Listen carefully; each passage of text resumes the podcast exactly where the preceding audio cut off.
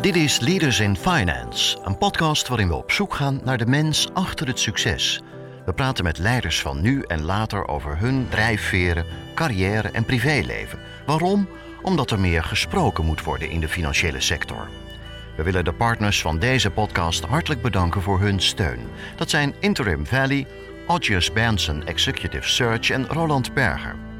Onze gast in deze aflevering bracht als kind veel tijd door in het buitenland. Tijdens zijn tienerjaren woonde hij bijvoorbeeld in de Verenigde Staten. Hij was er met bijna twee meter bijna professioneel basketballer geworden.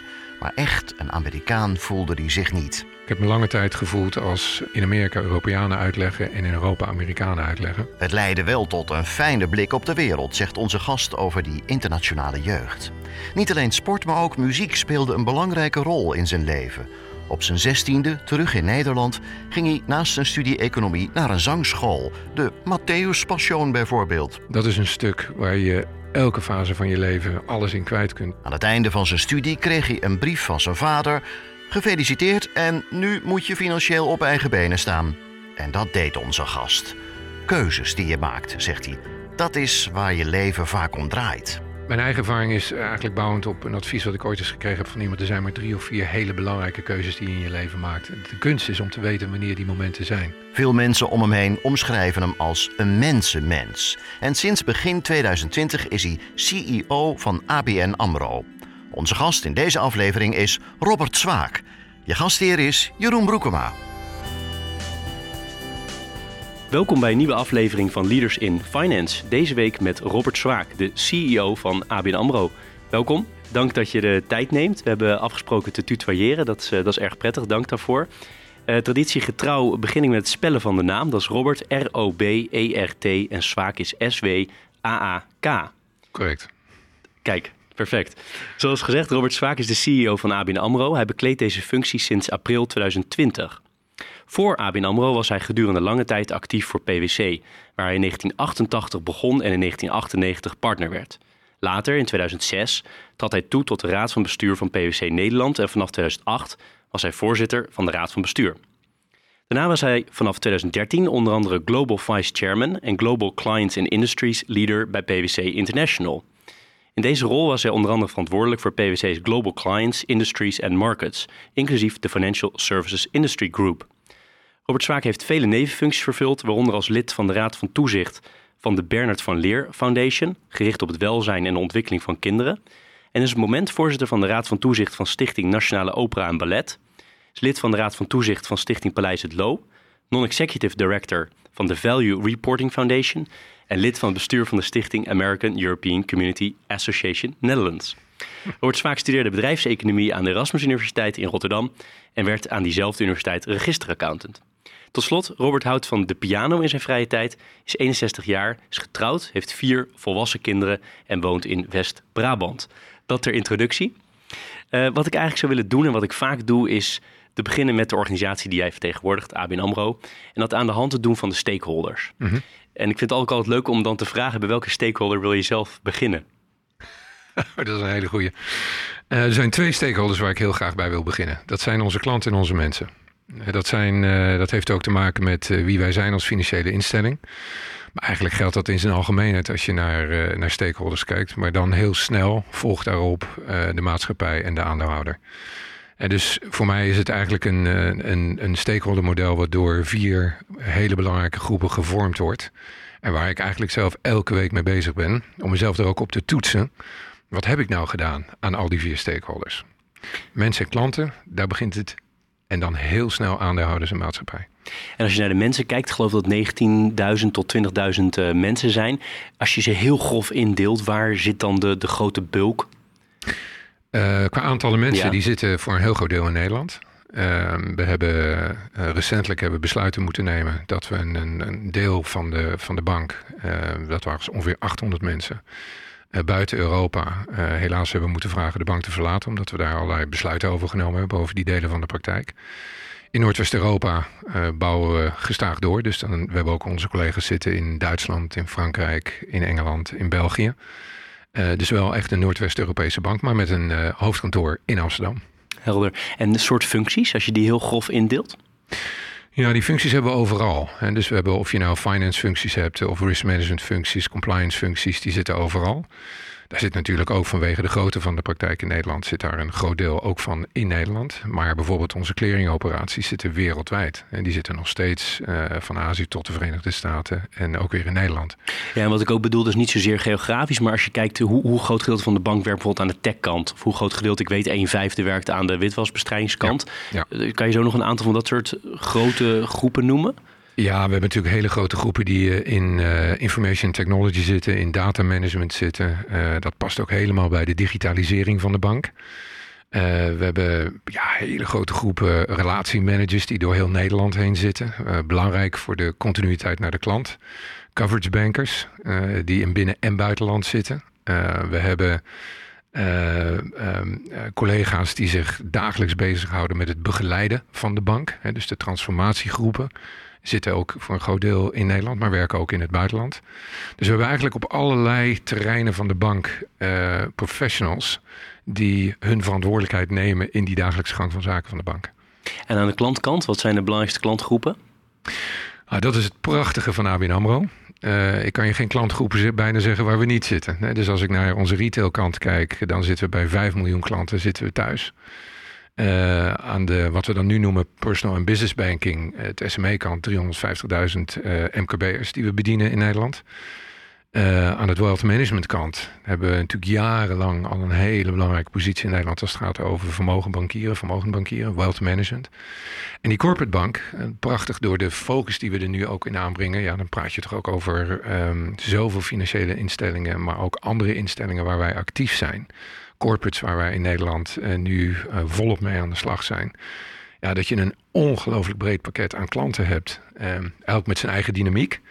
Um, ja, wat ik zeg, er is bijna geen uh, segment waar je dan niet vertegenwoordigd met, met uitzondering natuurlijk van de segmenten waar we bewust van gekozen hebben. Ja, en de eigenaren van de, van de bank, ook een belangrijke stakeholder, kan je die toelichten? Ja, ik moet ook zeggen dat uh, van het moment dat ik bij de bank uh, gekomen ben, is dat natuurlijk een hele belangrijke uh, stakeholder voor mij geweest. Daar heb ik ook gesprekken mee gevoerd. Grote aandeelhouder, de overheid en via NLFI. nou, ik moet zeggen dat is een aandeelhouder die zich ook echt gedraagt als een grote aandeelhouder. Dus in die zin opereren wij als bank zoals we als bank moeten opereren. Um, hebben we het ook het overleg met grote aandeelhouders. En hebben we natuurlijk periodiek het overleg met alle aandeelhouders. Waarbij een van de dingen die ik gedaan heb voordat ik begon als CEO. ook geluisterd heb. Niet alleen naar de bank en naar de mensen binnen de bank. maar juist ook met die groep van stakeholders. Wat is belangrijk voor hen? Waar kijken zij naar op het moment dat ze naar ABN AMRO kijken? En dat heeft me enorm geholpen in die, in die eerste periodes om de, om de besluiten te nemen die we moesten nemen. Ja, en die andere stakeholder, hè, die hele grote, namelijk de maatschappij. Hè, het, is, het raakt alles wat, je, wat jullie doen natuurlijk. Hoe, hoe, kijk je daarnaar? Want de maatschappij verlangt aan de ene kant heel erg veel. Iedereen heeft ook het gevoel. Hè? Ik heb in alle voorbereidingen op dingen die ik over jou kan lezen. Iedereen zegt continu. Um, ja, ik ben ook aandeelhouder, dus mag je er volgens mij ook iets van vinden, blijkbaar. Tenminste, dat vindt men dan. Uh, hoe kijk jij daarnaar? Want het is ontzettend breed. Het is heel breed, maar ik, en tegelijkertijd omarm ik het ook. En dat heeft alles te maken met het feit dat de bank midden in de samenleving staat. Dat is een van de redenen voor mij om als volgende stap uh, bij ABN AMRO aan de slag te gaan. Financiële instelling uh, staat midden in die samenleving. En dan mag die samenleving ook wat vinden. Um, en dat, dat vertaalt zich heel snel in hoe een toezichthouder... een toezichthouder voor mij is echt een, een, een verlengstuk van die samenleving... vertaalt eigenlijk wat, wat de samenleving al heel lang roept... codificeert dat vaak, ook in wet en regelgeving... Dat doet dan de toezichthouder niet zelf, dat doen de wetgevende instanties. Maar een toezichthouder vertegenwoordigt wel dat deel van die samenleving. Nou, dat is één uh, aspect. De samenleving heeft ook wel wat te vinden van banken. Je noemde net al witwassen. Uh, we hebben natuurlijk een, een wet die ziet op, um, op het bestrijden van witwassen. Maar tegelijkertijd kun je ook wel realiseren en beseffen dat het een integraal onderdeel is van wie wij zijn en wat wij doen. Dus dat die samenleving er wat van vindt, omarm ik eigenlijk. En het is eigenlijk onze uitdaging om daar continu uh, goed te begrijpen wat zegt die samenleving je nou? Hoe reageer je er dan ook vervolgens op? En wees daar dan ook vooral consistent in. Nou, dat zijn allemaal elementen die het functioneren binnen een bank zo ongelooflijk interessant maken, maar tegelijkertijd ook zo relevant maken, omdat je midden in die samenleving uh, staat. Nog twee andere stakeholders die ik wilde langslopen. Um, de concurrenten. Wat zie je nou eigenlijk als concurrenten? Want ik kan me voorstellen, zo ongelooflijk veel onderwerpen waar je mee bezig moet houden. Ben je nog wel veel met concurrenten? Kijk je er nog wel naar? En zijn dat dan de big tech? Zijn het de fintech? Zijn het de andere banken? Alle groepen die je net noemt. En dat, dat zit een beetje in mijn eigen persoonlijkheid. Ik vind concurrentie heel gezond. Uh, je wordt er alleen maar beter van. Het is zeker niet iets om van weg te lopen. Het is iets om middenin te staan. Um, bij fintechs te beginnen. Ik ben jarenlang ben ik bezig geweest met uh, technologie en technologiepraktijken. Ik heb veel in Silicon Valley rondgelopen. Uh, veel met startups gedaan. Dus dat hele fintech gebeuren, dat omarm ik. Dat, dat vind ik een fantastische uh, ja, impuls eigenlijk geven in een lange tijd traditionele industrie. Uh, dus fintechs houden we volop in de gaten, ook zeker als ABN AMRO. En daar doen we ook heel actief, uh, zijn we daarmee aan de slag via alle investeringsfondsen. Uh, de netwerken die we daarmee hebben, wij leren daar ook van. Incorporeren de kennis waar we kunnen. Ondersteunen de kennis waar we zien dat het relevant is. Collega's, con-collega's, ja, die hou ik elke dag in de gaten. En dat is in binnen- en buitenland. En dat is niet alleen omdat je je concurrentiepositie elke keer bepaalt. Maar dat is veel ook al dat je leert van wat hebben nou andere banken gedaan in deze toch lastige tijd. Macro-economische omstandigheden zijn nou niet bepaald heel erg positief. Nou, dan is het heel goed om te kijken van wat doen andere banken? Hoe snel doen ze dat? Waarom doen ze dat? Nou, dat is voor mij eigenlijk elke week is dat een soort input waaraan ik onze eigen performance ook alweer toets. Heb je dus, een voorbeeld van waarvan je zegt dat dat leer ik nou echt van een fintech of van een ander bedrijf concreet iets? Weet je, het mooie van fintechs is dat ze zonder uh, uh, de, de, de geschiedenis mee te dragen. Uh, consumentensegmenten kunnen definiëren, hun platforms kunnen definiëren, via cloud solutions snel de markt in kunnen gaan en dan worstelen met hoe bouw ik volume. Dat is, dat is toch iets wat, wat vaak terugkomt. Maar tegelijkertijd heel snel de technologische ontwikkelingen omarmen. Uh, dat ook kunnen doorvertalen in hun eigen organisatie. Snelle besluitvorming. Um, nou, dat is iets, daar, daar leer ik continu van. Raak je ook continu van geïnspireerd. Ik zeg ook altijd tegen jonge ondernemers die bij ABN AMRO ook beginnen... hou dat ook zo lang mogelijk vast. Verlies dat ondernemende niet. Dus die ondernemende kant van fintechs... is iets wat je eigenlijk elke dag ook in je eigen uh, instelling uh, wil zien. Um, en tegelijkertijd wat je van uh, ook leert... en dat is in, bij Europese banken denk ik heel belangrijk... Uh, wat is er nou in de Verenigde Staten gebeurd uh, na de financiële crisis? Wat hebben de grootbanken daar op dat moment gedaan? Hoe snel zijn ze overgegaan tot uh, acquisities? Hoe snel hebben ze portefeuilles overgenomen? En dus die consolidatieslag die daar op gang gekomen is, deels gedwongen, deels zelf, zelf bepaald heeft natuurlijk wel wat betekend. Nou, hoe doen wij dat nou in Europa? En hoe kijken wij naar geografische segmenten, marktsegmenten? Armin AMRO heeft heel nadrukkelijk gekozen voor geografische segmenten waar wij actief in zullen zijn en ook zijn. Wat leer je daar dan van? Hoe moet je dan die markten ook bespelen? dus we zijn heel erg bezig met de lokale markten waarin wij opereren om te kijken van nou, welke positie nemen wij in? Hoe kunnen we daarin groeien? Welke segmenten moeten we daarin benoemen? Uh, ja, dat is iets wat die Amerikaanse banken uh, natuurlijk al heel erg lang doen. En dat merken we ook in Europa. Ja, nee, dat is. Uh, nee, je, hint duidelijk inderdaad op die mogelijke consolidatieslag een keer in, in Europa. Um, ik zat zelf op weg hier naartoe vanochtend.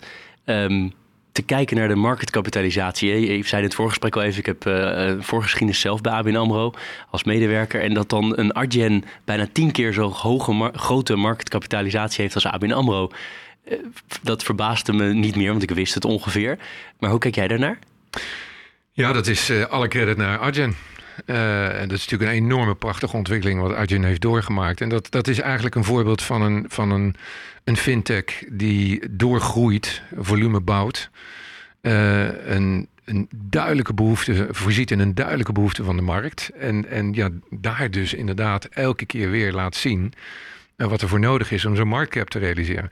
Ik, ik kijk zelf naar de, de marktcap van ABN AMRO niet in vergelijking tot, uh, maar kijk veel meer naar waar zijn we vandaan gekomen. Wat is er met het aandeel gebeurd vanaf de listing?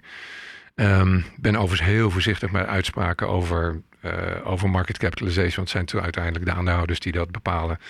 Um, en zie dat nu ook veel meer als een verantwoordelijkheid van onszelf naar onze aandeelhouders om ervoor te zorgen dat de waarde die er uit ABN AMRO moet komen ook echt de waarde van ABN AMRO is. En dan hebben investeerders hun eigen besluiten daarin te nemen. Helder. laatste stakeholder die ik inbreng, maar misschien heb jij nog andere, meest de, leverancierskant. Dan zou ik willen kijken vooral naar die techkant. Je haalt het al even aan, je hebt veel met tech gewerkt, ook in je vorige banen. welk deel moet de bank nou zelf doen en welk deel moet de bank nou uitbesteden? Dat, dat eeuwige strijd lijkt mij in de boardroom van wat doen we zelf, wat doen we niet zelf. Er zijn allerlei tech providers die dingen aanbieden. En de ene die zweert erbij om alles eruit te gooien. De hele core van de bank eruit. En alleen maar te richten op die klant. Anderen zeggen weer nee, we willen de kern helemaal zelf in huis. En dan heb je een hele grote groep die ertussenin zit. Maar waar zit jij? Ja, ik heb heel veel met outsourcing uh, te maken gehad al jarenlang. En een van de zaken waar je enorm voor moet oppassen op het moment dat je dat doet, is dat je je kennis uh, in huis houdt. Maar dus dat je begrijpt wat je outsourced. Als je dat doet, dus als je zorgt dat je de deskundigheid uh, die je nodig hebt om de, de operaties te kunnen beoordelen, dat je tijdig ook maatregelen kunt treffen uh, als je constateert dat het geoutsourcede deel niet levert of onvoldoende levert of nog beter zou kunnen leveren. Ja, dan is er met outsourcen niet zo heel veel mee mis. Wat natuurlijk een discussie is, en dat zie je nu ook in, de, in deze macro-economische omstandigheden, hoe ver kun je, uh, letterlijk, hoe ver source je het uit? En ik moet zeggen, we hebben hele goede ervaringen op dit moment met onze geoutsourced operaties. Dus in die leveranciers merk je ook een enorme proactieve houding jegens de bank, waarbij relaties natuurlijk ongelooflijk belangrijk zijn. Maar ja, wat ik net ook al zei, zorg altijd dat je je deskundigheid in huis houdt. Dat zie je ook bij, bij fintechs. Want fintechs starten op deskundigheid. En moeten op een gegeven moment gaan schalen, maar houden deskundigheid heel dichtbij. Als je dat doet, dan, dan kan je heel veel bereiken met de geoutsourced operaties. Je luistert naar Leaders in Finance met Jeroen Broekema. Ik maak meestal zo na een kwartier in het gesprek een wat, wat stevige draai. En dan stel ik vaak de vraag: zou je iets willen delen over hoe jij zelf bent opgegroeid? Dat is inderdaad een hele behoorlijke draai. Uh, nou ja, eh, mijn, mijn jeugd, als, als ik het zo mag zeggen, is gevormd. En daar kan ik denk ik wel heel duidelijk en stellig over zijn door heel veel ervaringen in binnen- en buitenland. Ik ben uh, als, als jong kind ben ik naar Duitsland verkast met het gezin. Heb ik twee jaar gewoond. Ik heb een moeder die uit Curaçao komt. We hebben veel tijd ook op Curaçao doorgebracht als kind. Ben in Turkije geweest als kind, als heel jong kind. Um, ben vervolgens teruggekeerd naar Nederland. En op mijn twaalfde kreeg ik de mededeling van mijn vader en mijn broer en mijn zus ook dat we gingen verkassen naar de Verenigde Staten. Nou, dat is als 12, 13-jarige is dat toch best wel een, een boodschap. Voor mij bestond dat uit het land van de gangsters. Uh, dat is eigenlijk alles wat ik wist. En Engels sprak ik ongeveer zoals een 12-jarige op dat moment spreekt. Hi, my name is Robert, what's yours? Dat is ongeveer de tekst die ik kon uitspreken. Um, ja, en dan zes jaar en vijf jaar in de Verenigde Staten doorbrengen. Dat is heel vormend, zeker in die leeftijd. Um, een bepaalde periode toen ook alleen geweest. Familie is teruggekeerd naar Europa. Ik heb mijn middelbare school afgemaakt. Ben daar erg gevormd in de muziek. Uh, en in de, dus in de kunsten en in de, in de sport. Ik heb daar uh, veel... Uiteindelijk ben ik daar gaan basketballen. En dat heeft geleid tot allerlei mogelijkheden om naar, naar colleges te gaan. daarvan heb ik gezegd op dat moment... ik wil na zoveel jaar West, West, Westkust, Verenigde Staten, terug naar Europa. Ik voelde me eigenlijk totaal uh, niet meer thuis in Europa. Ik kende Europa niet meer. Uh, dus dat was een hele, hele boeiende periode om dan terug te keren als 18-jarige, uh, 19-jarige in een, in een werelddeel wat je eigenlijk niet meer kent. En ook geen enkele affiniteit meer hebt. Dus de jaren dat ik terugkeerde, ben ik eigenlijk elk jaar teruggegaan naar Californië. Ben gaan studeren in Rotterdam. En op een gegeven moment veel vrienden gekregen weer in Nederland. En daardoor me eigenlijk weer meer op Europa ben gaan richten. Maar ik heb me lange tijd gevoeld als um, in Amerika Europeanen uitleggen en in Europa Amerikanen uitleggen. Ja, en dan gaat je leven gaat dan, uh, gaat dan verder. En dus die internationale inslag ben ik eigenlijk nooit verloren. En dan een vader uit Nederland en een moeder uit Curaçao leidt ook tot een, uh, tot een ja, vind ik een hele fijne blik op de wereld. In de zin van um, je leven eindigt niet bij zijn landsgrenzen. Uh, je leven wordt gevormd door verschillende invloeden, andere culturen, daar open voor staan. Het, het, het, het accepteren, um, niet tegen vechten uh, en ervan leren en dan door. Nou, dat is een beetje mijn, uh, ja, mijn achtergrond geweest. Muziek en sport zijn doorgegaan, dus dat is heel vormend. Dus een boeiende, een boeiende jeugd. Ja, absoluut. En toen je terugkwam, sprak je nog wel goed Nederlands of was dat met een accent? Nee, eh, het accent heb ik nooit zo eh, gehad, omdat ik altijd, eh, of ik nou, ik deed net een beetje een Nederlander die Engels spreekt, kan ik goed nadoen. Een Amerikaan die Amerikaans spreekt, kan ik ook. Tongval komt heel snel, voor, alle, voor veel talen. Maar inhoudelijk had ik echt een achterstand. Inhoudelijk moest ik, zeker als je dan gaat studeren, in één keer in Nederland, ik heb ook gelijk gezegd, was, er was een, een advies om probeer toch je middelbare school in Nederland nog een keer te doen, dat eindexamen te doen. Nou, daarvan heb ik gezegd, dat ga ik niet doen. Ik heb het afgerond, ben geaccepteerd op Amerikaanse universiteiten, dus ik ga ook door in Nederland. Dat heeft, even wat tijd gekost. Dat heeft een jaar gekost als toehoorder, om dan vervolgens echt daar weer in te kunnen stappen. Maar gaandeweg leer je ook weer. Dus, Hoe, hoeveel talen spreek je dan? nou, dat is heel beperkt. Ik spreek, eh, ik, spreek ik ben bi bilingual, dus eh, eh, Engels, Amerikaans, Nederlands. Eh, versta Frans eh, goed, eh, spreek het mondjesmaat. Ik schijn vloeiend Duits gesproken te hebben in die periode. Ik kan me er niks meer van herinneren, dus ik kan het verstaan, maar ik waag me er niet aan. Dus dat is een beetje, ja, het papiermens, dat, eh, daar verras ik soms mensen wel mee. Daar, daar versta ik nog wel het een en ander van. Ik spreek het niet. Mooi. En die sport, het feit dat je, ik heb zelf een jaar in Amerika gestudeerd, het feit dat jij naar colleges kon vanwege de sport, betekent dat je goed kon basketballen. Wij zaten, eh, het was eigenlijk bij, bij hoge uitzondering. Ik zat in een, eh, een kleine private school. Dat team dat heeft zich eh, naar staatskampioenschappen weten te spelen. En vervolgens van private schools, eh, waar we dan eh, eh, vol mee aan de slag waren, kwamen de recruiters eh, ook naar ons toe. Ja, en dan krijg je dus opeens dat hele rare fenomeen dat je een, een scholarship eh, gesprekken gaat voeren met eh, grote universiteiten. En dat is wel heel bijzonder, want dat, dat noemt men full ride scholarships. Dus dat betekent dat je gecommitteerd bent voor een aantal jaren. En dan moet je een besluit nemen of je dat, eh, of je dat gaat doen. Dat combineer je vaak ook nog, zeker in zo'n eerste jaar, met een andere sport. Eh, ik heb ervoor gekozen om, hoewel ik prachtige gesprekken daarover voerde, ik was geaccepteerd op Cal Berkeley, eh, om dan toch terug te keren naar Nederland. En ik heb de topsport geprobeerd door te zetten in Nederland. Dat is ook redelijk gelukt. Maar ik moet je wel zeggen... dat- Basketbal. maar de mentaliteit die ik hier aantrof. Ik was gewend eh, tien uur per week met die sport bezig te zijn als 16-jarige. En ik kwam in Nederland en in die tijd, dat is nu helemaal veranderd. Maar toen vonden we drie, week, drie keer in de week trainen voldoende om topsport te bedrijven. Ja, dat is natuurlijk bij lange na niet voldoende. Eh, het is echt die 10.000 uur eh, die daar ook daar geldt. Waar stond je in het veld? Ik ben geen, geen, ben geen basketbal. eh, goede vraag. Ik, ik ben voor de luisteraars twee meter. Eh, voor, de, voor, de, voor degenen die basketbal een beetje voor me volgen, die weten dat dat eigenlijk helemaal geen lengte is. En dan ben je het best in de NBA tegenwoordig een soort guard of een shooting forward, zoals dat heet. Maar ik speelde center. Dus ik heb een hele korte tijd heb ik nog iets met het nationale team mogen doen. En ik zal nooit vergeten dat ik daar als center, als twee meter, als klein jongetje stond tussen mastodonten van grote heren. Eh, ik zal ze niet mastodonten duiden, maar het waren echt hele indrukwekkende personen van eh 2 meter, 5, 6 met de, met de lengte. En waarom vond ik die centerpositie nou zo ontzettend leuk? Het is een enorme fysieke positie.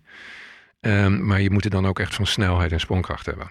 En dat vond ik heerlijk. Dus ik heb altijd die centerpositie eh, gehouden. Terwijl ik er een van de kleinste was. En vonden je ouders dat je bepaald iets zou moeten gaan doen? Had er daar een beeld bij? Nee, ik denk eerder, eh, mijn vader was, mijn moeder was daar altijd heel erg supportive in. Ik heb, eh, dit ging nog veel over, over de sport, maar ik heb heel veel aan de muziek gedaan. Altijd eh, met die piano bezig geweest, maar ook altijd met zang gedaan. Mijn vader die was toch ook wel een beetje van de familie is ook belangrijk. En zeker als je als Nederlands gezin in de Verenigde Staten verkast. Daar ben ik mijn vader ook heel erg dankbaar voor. Heeft altijd gezegd Nederlands thuis. En we houden de familietradities ook in stand. Nou, dat betekent niet dat je elke zondag naar je vader naar je opa en oma kon. Maar het betekende wel dat hij moeite had als ik zondag ging sporten, want dat deed ik. En dan ging ik naar grote toernooien. En dat deed ik dan ook. Dat leverde behoorlijk wat spanning op. Dat was niet iets wat, hij gewend was.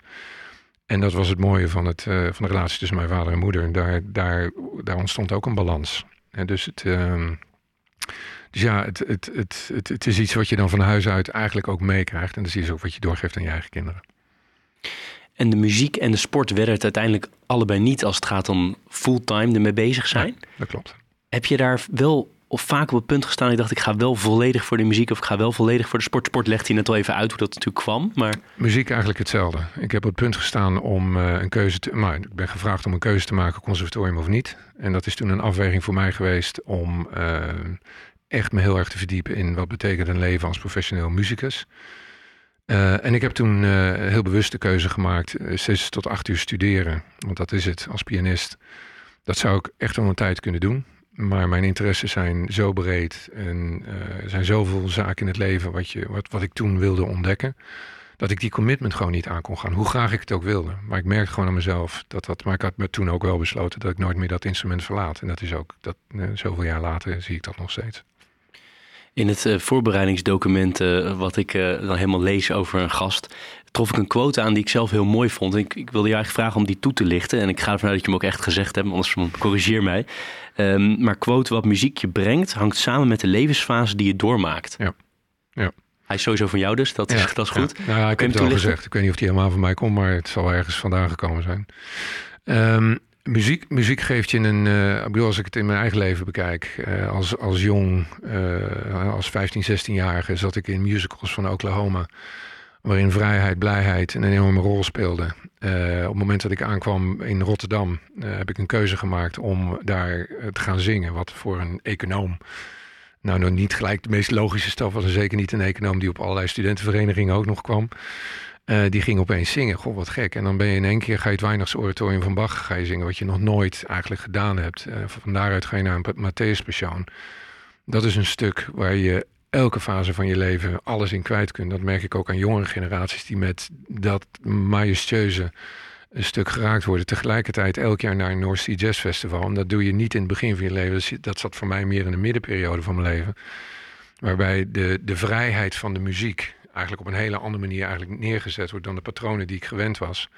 En dan in latere leeftijd komen daar opera's bij, die weer op een hele andere dynamiek. Dus je fases van leven zijn ook heel erg bepalend in de welke soort muziek je kunt waarderen. En tegelijkertijd nog steeds kan luisteren naar een Bruce Springsteen.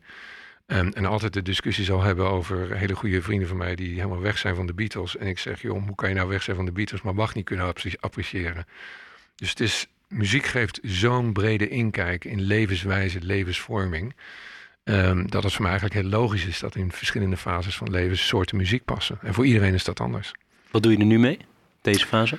Um, door, en dat is helaas gebrek aan tijd, uh, focus ik me enorm. Dus ik heb uh, weer pianoles. En dat betekent dat ik uh, gewoon doe, een jaar lang doe over het instuderen van een stuk. En ik heb nu de rust, die ik vroeger niet had. Vroeger dacht ik dat een Chopin-etude in een maand ingestudeerd moest worden. En dat lukte me ook.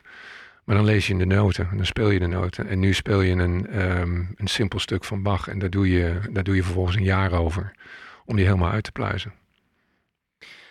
Vanuit je, je opvoeding en je, je studie daarna, als het gaat over ambitie, had je dat altijd al? Of is dat pas later gekomen? Dat heb ik altijd gehad, maar ik heb het nooit ambitie genoemd. En niemand heeft dat ooit, totdat ik echt heel professioneel aan de slag ging, werd dat als ambitie geduid. Er is altijd iets in mij geweest, uh, en dat is er nog steeds tot op de dag van vandaag, het ontdekken van het nieuwe. En dat geeft mij heel veel energie. En op het moment dat je, dat je daarmee aan de slag gegaan bent, het ontdekken van wat dat nieuwe dan moet zijn, zit er ook een enorme commitment, ook van mijn kant dan, om dat ook door te zien. Hè? Dus het is niet elke keer springen naar iets nieuws, maar het is het wel het ervaren, het leren. En hetgeen je daar dan ook, wat je dan ook doet, mee bezig bent, daar ook mee door te gaan. En daar juist iets neer te kunnen zetten. Dat heeft mij eigenlijk mijn leven gevormd, mijn professional leven gevormd. En dat doet het eigenlijk nog steeds elke dag. En dat is, ja, dat is privé en zakelijk. Gaat dat, gaat dat door. Dus het groeien is eigenlijk een beetje woord. Ja, helder. En niet het instant gratification en als niks is dan weer door. Dat is natuurlijk heel verleidelijk, want dat, dat, dat roept het ook wel op. Ook de, dus de, de ups en de downs daarin. Maar ook daar leer je van. Uh, dus dat, laat, dat stelt je ook weer in staat om te groeien. Waarom uh, bedrijfseconomie en waarom RA worden? nou, het is eerst begonnen met lucht- en ruimtevaarttechniek. Maar dat ging ongeveer uh, vertoevend in Engeland. kreeg ik de vraag: in Nederland moet je een keuze maken. Dat hoeft hier in de Verenigde Staten niet. Hè. Je eerste paar jaar zijn vrij algemeen voor met college. Ik heb veel gehad met de luchtvaart. Dat werd dus lucht- en ruimtevaarttechniek. Na twee weken kwam ik erachter dat dat niet echt mijn ding was. Um, economie, omdat het een economie, daar zo is begonnen, een sociale wetenschap. Ja, daar was ik heel snel in thuis. Daar voelde ik me ook echt in thuis. En toen heb ik een afslag gemaakt naar bedrijfseconomie, omdat algemene economie voor mij in de modellering heel interessant. Maar ik wilde toch die bedrijfseconomie nog eens een keer goed begrijpen. Wat is dat dan? Uh, Nou, daarmee kom je dan heel snel tegen processen binnen bedrijven aan. Ik heb toen als uh, afstudeerwerk uh, heb ik mijn afstuderen wat uitgesteld en ben bezig geweest met fusietrajecten van coöperaties. Daarbij kwam ik erachter dat ik veel wist van interne organisatie. Bedrijfseconomische analyses kon ik maken, maar wat ik niet wist en niet kende was administratieve organisatie. En ik merkte dat op het moment dat je dus geen verstand hebt van de administratieve organisatie, maar je bent wel bezig met fusietrajecten, dan heb je een lacune. Dat was de reden voor mij om accountancy erbij te gaan doen. Als je dan accountancy doet uh, en je, komt aan het einde van je studie je krijgt een brief van je vader en zegt de financiering is nu klaar, ga maar, ga maar een baan zoeken, want het is over drie maanden stopt het. heeft dus ook letterlijk gebeurd. Uh, toen ben ik aan de slag gegaan bij uh, accountskantoren. Nou, Koepers en Luijmond is het toen geworden. Heb toen gezegd, ik maak die postdoctorale studie af, maar ga wel gelijk aan de slag. Nou, dat was dat heeft me zo gefascineerd, dat werk. Dat ik, ik dacht daar twee jaar te zijn, zoals velen. En ja, dertig jaar later zat ik er nog steeds. En heb daar eigenlijk alles gedaan wat je binnen zo'n zo'n firm kan doen. Ja, daar komen we zo nog even op. Was je boos over die brief van je vader? Was letterlijk een brief? Ja, letterlijk. Uh, en daar stond activistische aandeelhouder. Dat was een zeer activistische aandeelhouder. Dat was ook heel duidelijk. We hebben zo al een termijn afgesproken dat ik financiering zou krijgen. En ik, en ik was altijd vrij in mijn eigen keuzes, maar die keuzes hadden wel consequenties. Dus ik heb toen binnen zes maanden ben ik gaan solliciteren in een, uh, in een lastige tijd. En nou, bij een aantal accountskantoren kon ik aan de slag. Maar wat vond je ervan, van die brief? Nou, het was niet verrassend. Maar het was wel even, het gaf mijn afstudeermotivatie een enorme boost. Dat is ook snel gebeurd. Het was wel een goede incentive in ieder geval om heel hard aan de slag te gaan. Hoe typeer je je studententijd? Genoten. Ja. Uh, ik heb daar de, de, ja, de, de, de partner van mijn leven ontmoet. Uh, ik heb een ongelooflijke brede. Uh, ik, we hadden het net over de muziek, maar ik heb met veel met studentenverenigingen gedaan. Een ongelooflijke brede vriendenschaar ontwikkeld. Maar vooral ook een enorme prachtige opleiding gehad. aan de Erasmus Universiteit in Rotterdam. Dat heeft me ook echt gevormd. Ook veel lol? Heel veel plezier. Ja, ja dat, dat, dat uitte zich in toch wel wat hertentamens zo af en toe. Die dan allemaal wel gelukkig in één keer gehaald werden. En dan naar het einde van de studie een enorme versnelling gehad. En maar heel veel plezier. Ja. ja. En je begon al even over je ja, ja, Coopers en Leibman, toen later PwC-tijd. Uh, je had zelf niet verwacht dat je daar zo lang zou werken. Dat komt denk ik omdat je in heel veel verschillende functies hebt gezeten.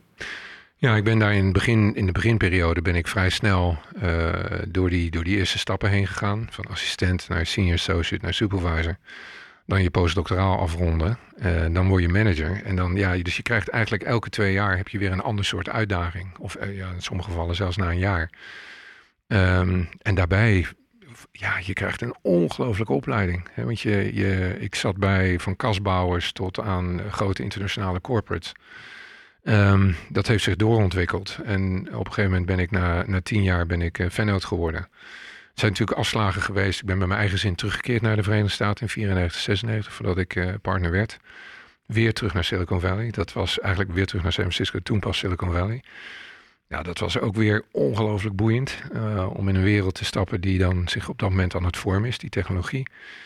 Van daaruit terug naar Nederland en dan in 98 uh, vennoot worden. Ja, dan heb je weer een hele andere uitdaging. En uh, dat zijn wel, zeker ook dat vennootschap, dat is een hele bewuste keus. En dan ontwikkel je je als professional.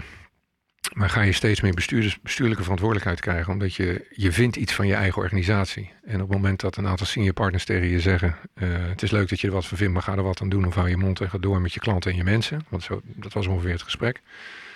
Ja, dan, dan gaat er natuurlijk ook een, uh, een, uh, een afweging beginnen. En toen als business unit leider gestart tegelijkertijd wel mijn klantenpakketten gehouden, altijd. En daar bouw je dan in door. Ja, dan ontwikkelt een via technologie kom je in die, die, die marketsorganisaties terecht als voorzitter bij PwC Nederland. Ja, met, met 5000 man aan de slag in een crisistijd. Met 260 eh, partners was het geloof ik toen, of 240 partners. Dat geeft weer een hele andere dynamiek. Daar leer je dan ook zo verschrikkelijk veel van. Uh, en om dan gevraagd te worden internationaal verantwoordelijkheid te gaan nemen dus ja, dan, dat zijn wel momenten die, uh, daar maak je hele bewuste keuzes. Ja, want je noemt een paar keer bewuste keuze. Ook om, uh, je begon ermee met, uh, toen je zei toen ik kon worden, of partner, ik weet niet hoe het toen uh, heette waarschijnlijk. Ja. Zo, hoe maak je dat soort afwegingen? Dat vind ik heel interessant, want iedereen waar in zijn carrière heeft die momenten natuurlijk dat je echt hele bewuste keuzes maakt. Hoe doe je dat? Ja, mijn, mijn eigen ervaring is eigenlijk bouwend op een advies wat ik ooit eens gekregen heb van iemand. Er zijn maar drie of vier hele belangrijke keuzes die je in je leven maakt. De kunst is om te weten wanneer die momenten zijn. Dus die eerste periode van die carrière, ja, dat is één tot twee jaar, ja, word je gepromoveerd. Zijn dat bewuste keuzes? Nou, waarschijnlijk niet. Dat overkomt je tot op zekere hoogte. Na vier jaar ontstaat er wel een moment, wil ik dit? Na zes jaar. Is dit, en dat is ook vormend, ook bij, bij de bank. Uh, die eerste vier tot zes jaar vorm je jezelf als professional. Dan, dan, dan leer je wie je bent. niet als persoon, maar ook wie je bent als professional. Dan komen er wel momenten inderdaad in een carrière. En dat, dat was voor mij het, het vennootschap. Want dat is een commitment voor de langere termijn. En dat was het voorzitterschap. En, maar daartussen zitten momenten dat je voor boordposities gevraagd wordt. Ook dat zijn afwegingen. Dat zijn hele nadrukkelijke keuzes. Omdat het niet alleen jezelf betreft. Maar ook degene die naast je staat. Die je lief hebt. Waar je waar je, je leven mee deelt. Um, en dat zijn momenten dat je echt heel bewust je, ja, je keuzes moet maken. En dan zijn de afwegingen zowel zakelijk als uh, privé, maar die beginnen privé in mijn geval. En worden dan doorvertaald naar ja, zakelijk. Wat, wat leer ik hiervan? Wat kan ik hiermee? Um, maar dat is niet dat je daar elke dag mee bezig bent. Dat is het best één keer in de twee jaar. En dan komen er ook wel hele grote besluiten. Heb je ook wel momenten gehad, of je ze nou concreet wil maken of niet, uh, is niet zo relevant. Maar dat je echt hebt gezegd, nee, deze kant ga ik niet op? Ja, ik heb, uh, ik heb inderdaad ook vragen gekregen waarvan ik heb gezegd, uh, nou, ik kan het heel concreet maken. Ik ben jarenlang betrokken geweest bij uh, kwaliteit en bij compliance. Heb dat met heel veel plezier gedaan. En toen is er, is er ook gezegd en gevraagd van, joh, wil je hier langer in door? En toen heb ik gezegd, nou ja, ja, dat wil ik eigenlijk wel, want dat ligt me ook wel heel goed. Maar ik wil de businesskant ook ontwikkelen. En daar bleek ik ook heel veel plezier uit te krijgen. dus toen heb ik dat in combinatie gedaan. Um, ik heb jarenlang nee gezegd, of jarenlang, maandenlang nee gezegd tegen een bestuursfunctie in eerste instantie. En uiteindelijk heb ik gezegd, nee, die verantwoordelijkheid, uh, die moet ik toch nemen. En heb ik ook gedaan. Geen seconde spijt van gehad. Dus het is, ook, het is inderdaad niet altijd dat je zegt, ik ga dit doen. Het is ook wel eens, ik ga dit nou eens even niet doen. Is je privé ook vaak uh, leidend geweest in het nee zeggen? Uh, nou, ik denk dat als je dat aan mijn, aan mijn kinderen vraagt dan zal dat misschien, er zal misschien ook wel een antwoord, uh, ander antwoord in, in, in, mogelijk zijn. Maar ik, ik heb wel zoveel mogelijk um, alles in overleg met gezin gedaan. En ja, dat betekent dat je ook soms nee zegt. En dat dat, uh, um, dat, dat dan ook inderdaad een heel welbewuste keuze is. Je luistert naar Leaders in Finance met Jeroen Broekema. In de voorbereiding las ik een aantal keer dat mensen je omschrijven als echte people man. Ja. Zie je dat zelf ook zo? Ja, ja, nou ja, weet je, uh, schoonheid is in de ogen van de aanschouwer, zeg ik altijd. En, en dus wat iedereen vindt, uh, ze hebben per definitie gelijk. Dus het is inderdaad zo dat ik... ik begon niet voor niks net toen jij vroeg welke stakeholders zijn belangrijk.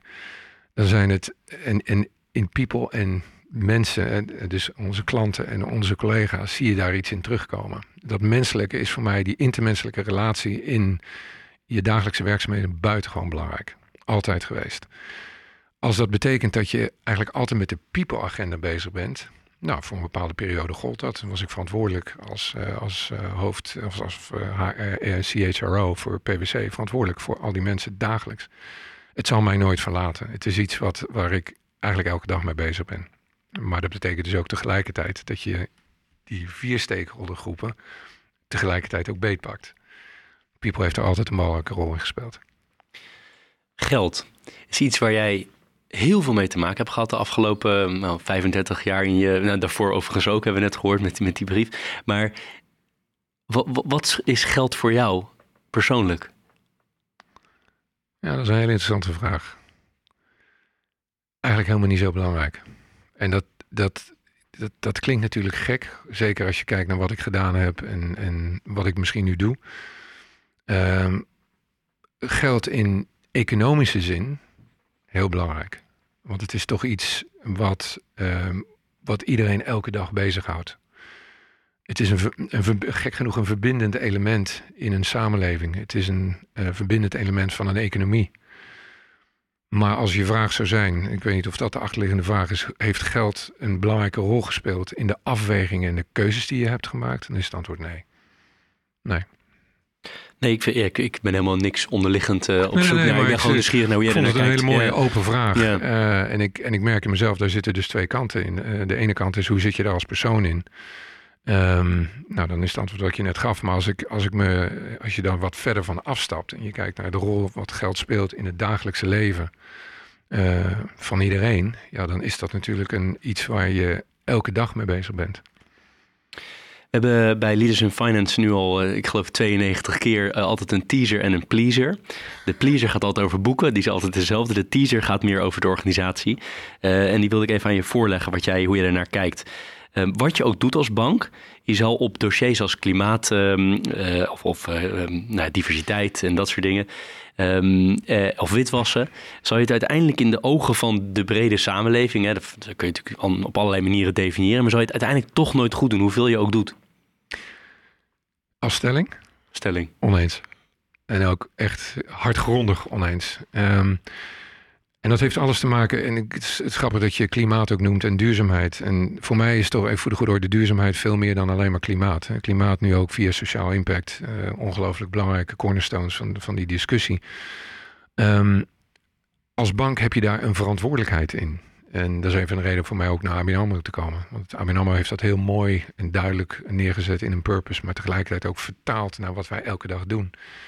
En daarmee is die duurzaamheid eh, eh, voor een samenleving en daar ook als bank op kunnen acteren in de keuzes die je maakt van wat financier je wel, wat financier je niet, hoe ondersteun je ondernemers die in transitie zitten, ehm, die nieuwe duurzame technieken aan het ontwikkelen zijn. Hoe ondersteun je eh, huiseigenaren die hun woningen aan het verduurzamen zijn? Ehm, welke keuzes maak je eh, als het gaat over de transitiethema's die je dan eh, belangrijk acht? Daar heb je als bank zo'n verantwoordelijkheid in. En de uiteindelijke erkenning zie je ook. Want voor mij, ik had het net over klanten. Als klanten naar je toe komen en die komen naar je toe vanwege de kennis die we hebben over duurzaamheid, de kennis die we hebben over transitie, de betrokkenheid van de medewerkers elke dag weer in die, in die vraagstukken. Ja, dan hoe, kan je daar, hoe, hoe kan je daar zeggen dat. nou, ik zou meer, laat ik, me, ik breid mijn teaser nog iets uit, anders is het te, te, te overtuigend. In de beeldvorming. Daar gaat het mij vooral om. Kijk, hoeveel Ja. je ook goed doet, ja, maar kan je het soort rupsje nooit genoeg? In de zin van, is, ja, dat is even als stelling. Maar de, in de beeldvorming wil men altijd weer nog meer. En het is een mooie uitlaatklep, die banken. In de, en dan bedoel ik, zeg, laat ik zeggen, in de media of in de beeldvorming. Maar in beeldvorming ben jij ook een mooie uitlaatklep. Hè? Jouw podcast in de beeldvorming is ook een uitlaatklep. Eh, uiteindelijk is een, een voetballer in de beeldvorming ook een uit- De beeldvorming, dat is zo'n mooi begrip. Laten we nou gewoon eens beginnen. Waar heeft die samenleving nou behoefte aan? Wat heeft die samenleving nodig? Eh, en daar vind ik dus dat wij als banken een ongelooflijk belangrijke rol spelen. En dat kan je natuurlijk niet in isolement doen. Dan, dan doe je dat, ook reagerend op wat die samenleving je aangeeft. Nou ja, en als ik zie in welke rol wij op dit moment spelen als het gaat over... Ik had het net al, wat we als banken in de duurzaamheidsagenda doen. Maar ook in die vervolgagenda die daarop komt. Ja, dat, dat, is, dat is gewoon een integraal onderdeel van wie wij zijn. Dank. Aan de pleasende kant, eh, heb je, lees je graag? Eh, ik lees heel veel. Kijk, zijn er bepaalde boeken die jij eh, hier wil delen... waar je zegt, die hebben heel veel impact op mij gehad... of die geef ik graag cadeau? Eh, nou, ik ben waarschijnlijk heel slecht in het geven van cadeaus eh, van, bo- van boeken. Ehm, eh, maar waar ik eigenlijk mijn hele leven al mee bezig ben, is biografieën. Ik vind het fascinerend om biografieën te lezen, autobiografieën. Want dat geeft je enerzijds een inkijk in de persoonlijke kant van iemand, maar het geeft je ook een tijdsbeeld. Dus dat, dat is bij mij eigenlijk altijd een thema geweest. Eh, en dat is het eigenlijk nog steeds. En dat is langs alle interesses die, eh, waar we het net over gehad hebben. Nog een bepaalde titel? Van een biografie waar jij bijvoorbeeld van zegt... dat vond ik echt... eh, Nou, de biografie van Madeleine Albright hebben mij enorm aangesproken. En dat heeft alles te maken met wie zij is als persoon en wat ze heeft meegemaakt als persoon. En in welke omstandigheden ze dat gedaan heeft. Ik heb het eh, circa 92 mensen gevraagd. Maar als het gaat om tips voor starters op de arbeidsmarkt... en dan liefst in de financiële sector... want het is toch Leaders in Finance eh, podcast... maar mag ook breder. Heb je bepaalde tips? Ja, die heb ik zeker wel. Daar hebben we het eigenlijk al een beetje ook over gehad. Eh, ehm, verdiep jezelf ehm, voordat je jezelf verbreedt. Met andere woorden, investeer in jezelf, in kennis. Eh, ik heb veel gesprekken met mensen die beginnen bij, of het nou professional services firms zijn of bij financiële instellingen. En beginnen te kijken naar de bredere functies. Maar de realisatie dat je, voordat je daaraan toe bent, uh, je echt geïnvesteerd moet hebben in kennis. Uh, en zeker in een kenniseconomie. En dan maakt het nog niet eens uit of je in een productieomgeving zit of in een servicesomgeving. Maar investeer in die kennis. Gun jezelf de tijd om dat te doen. Die wereld gaat al zo snel. Technologische ontwikkelingen gaan ongelooflijk hard. En of je dat nou doet in consultancy, of je doet het in, uh, wat ik al zei, bij banken, of je ontwikkelt jezelf in, uh, in, in, publieke omgevingen. Die kennis is uiteindelijk, um, die combineer je met je persoon en je persoonlijkheid. Maar die kennis vormt een ongelooflijk belangrijk bestanddeel van wie je bent in je professionele carrière. Of het nou de muziek is, of het is de sport, of het is uh, de omgeving waarin je dan nu vandaag opereert in een bank. Investeer in, je, in kennis. En gun jezelf dat ook, dat je dat doet. En vandaar komt dan de, volgens de verbreding, uh, als, ook als persoonlijkheid, de interactie die je zoekt met anderen, je leidinggevende capaciteiten. Hou het innoverende in je en toets jezelf één keer in de twee tot drie jaar. Zit ik nog op het juiste pad? En als jij, ik neem aan dat dat education permanent is, dat je dat je hele loopbaan blijft doen. Als je één ding mag noemen hoe jij up-to-date blijft als het gaat om kennis, wat, wat doe jij heel concreet? Ja, dat is eigenlijk heel veel. We hadden net uh, het leesje. Ja, ik lees heel veel. Uh, uh, vakliteratuur en literatuur, maar ook de dagelijkse media. Ik investeer maandelijks in deep dives. dus ik probeer voor mezelf elke maand een onderwerp te bedenken. Dat is in dit geval dan binnen de bank, waarvan ik vind dat ik mijn kennis nog verder kan uitbreiden. Dat doe ik dan of door uh, werkbezoeken of ik doe het door echt literatuurstudie. Dus ik vraag, ik vraag ook vaak gewoon literatuur op. En daar verdiep ik me dan ook in. ik ben een, in, mijn, in mijn oude vakgebied hou, ik, hou ik gewoon de ontwikkelingen ook bij. Maar ik doe hetzelfde met, met de, muzikale kant. En ander iets waar ik enorm gepassioneerd over ben is, is, is zeilen. Nou, dat is dan iets waar je ook continu in kunt ontwikkelen. En daar ook in bijhouden wat speelt daar dan. Ik ben onder de indruk van de breedheid van jouw interesse. Je gaf het zelf ook aan dat je een van je drijfveren is, maar van zeilen tot, tot uh, de, de basketbal, tot de, de, de economische, financiële kant, heel breed. Ja, maar het is wel gefaseerd. Basketbal moet je me nu niet meer vragen. Daar kan ik coachen. Maar als ik nu tegen mijn jongste zoon zou moeten spelen, en wat ik nog wel eens doe, dan ben ik na drie minuten lig ik hijgend aan de kant en denk ik, stop alsjeblieft, ik trek dit niet. Hij is wel met 2 meter 10 uh, dat hij... Hij is, uh, hij is uh, 1,90 en weet zich goed te weer. ja. Nee, ik geloof dat Michael Jordan ook niet extreem lang was. Nee, dus dat kan, uh, je bent ook uh, actief in een aantal nevenfuncties, uh, toewerkende richting het einde. maar om eentje eruit pikken, de Nationale Opera en Ballet, dat lijkt me heel zwaar op dit moment. Voor hen. En dus ook voor jou indirect. Oh, het is vreselijk zwaar. Uh, en of dat nou voor het ballet een danser uh, die zijn carrière gestopt ziet, uh, of in ieder geval op hold gezet ziet, omdat het podium niet meer bereikbaar en beschikbaar is. Of het is een zanger, of het nou het operakoor is, of het is de, het orkest in de bak, of het is de, um, de dirigent die voor die troepen staat die zich moet gaan verenigen met het feit dat het streamen op dit moment hetgeen is wat je moet doen. En je dus niet meer de interactie hebt met je live publiek. Dat is voor een artiest, dat is je levenslijn. Uh, en dat is, ja, dat is, dat, het is gewoon verschrikkelijk wat dat op dit moment aanricht. Ongelooflijk uh, ook dan weer de innovatie die vanuit de kunsten dan weer naar voren komt. En of dat nou de podiumkunsten zijn of anderszins kunsten. Maar een, een danser die zich weet um, te motiveren door elke avond weer voor het publiek te kunnen staan, dat nu op een andere manier moet doen. In eigen omgeving. In het begin van de, van de crisis was dat thuis. Moet je je voorstellen dat je dat elke dag thuis moet doen. En nu mag je dat dan gelukkig uh, hebben omstandigheden gevonden waarin ze weer samen kunnen, in ieder geval de repetities te hand kunnen nemen. Dus het is, nee, wat dat betreft moeten we hopen dat we zo snel mogelijk weer de mogelijkheid hebben om met elkaar uh, van, van mooie kunst te kunnen gaan genieten. Maar het dwingt ook gelijk om innoverend bezig te zijn. De laatste vraag. Hoe manage jij je werk- en privéverhoudingen? Hoe heb je dat altijd gemanaged? Door um, niet te veel in te gaan op de discussie work-life balance, maar work-life choices. Uh, ik heb altijd uh, geprobeerd de stelling te huldigen. Balans uh, impliceert dat je altijd een optimale balans hebt. Nou, dat is, ik denk dat, je, dat we dat allemaal ervaren. Dat is bijna onmogelijk. Probeer wel de keuzes te maken voor je privé en voor je werk. Die er op enig moment, of eigenlijk alle momenten, ertoe doen. nou, dat gaat niet altijd goed. Hè? Laat dat ook duidelijk zijn. Um, maar dat is wel continu een thema. Dus je zorgt dat je met elkaar en mensen die je, eh, die je lief hebt, waar je van houdt, die belangrijk voor in je leven zijn, je collega's zijn, je gezin, je familie, met elkaar die keuzes maken. En daar dan ook zoveel mogelijk consistent proberen te zijn. Voordat ik je ga bedanken, is er iets waarvan je zegt, Jeroen, ik, ik heb heel veel mogen vragen. Dat is, heel, dat is heel leuk. Maar is iets waarvan je zegt, daar had ik graag nog iets over willen zeggen, of jammer dat je dat niet hebt gevraagd? Dat vind ik altijd zo'n mooie vraag en ik vind het een compliment aan jou.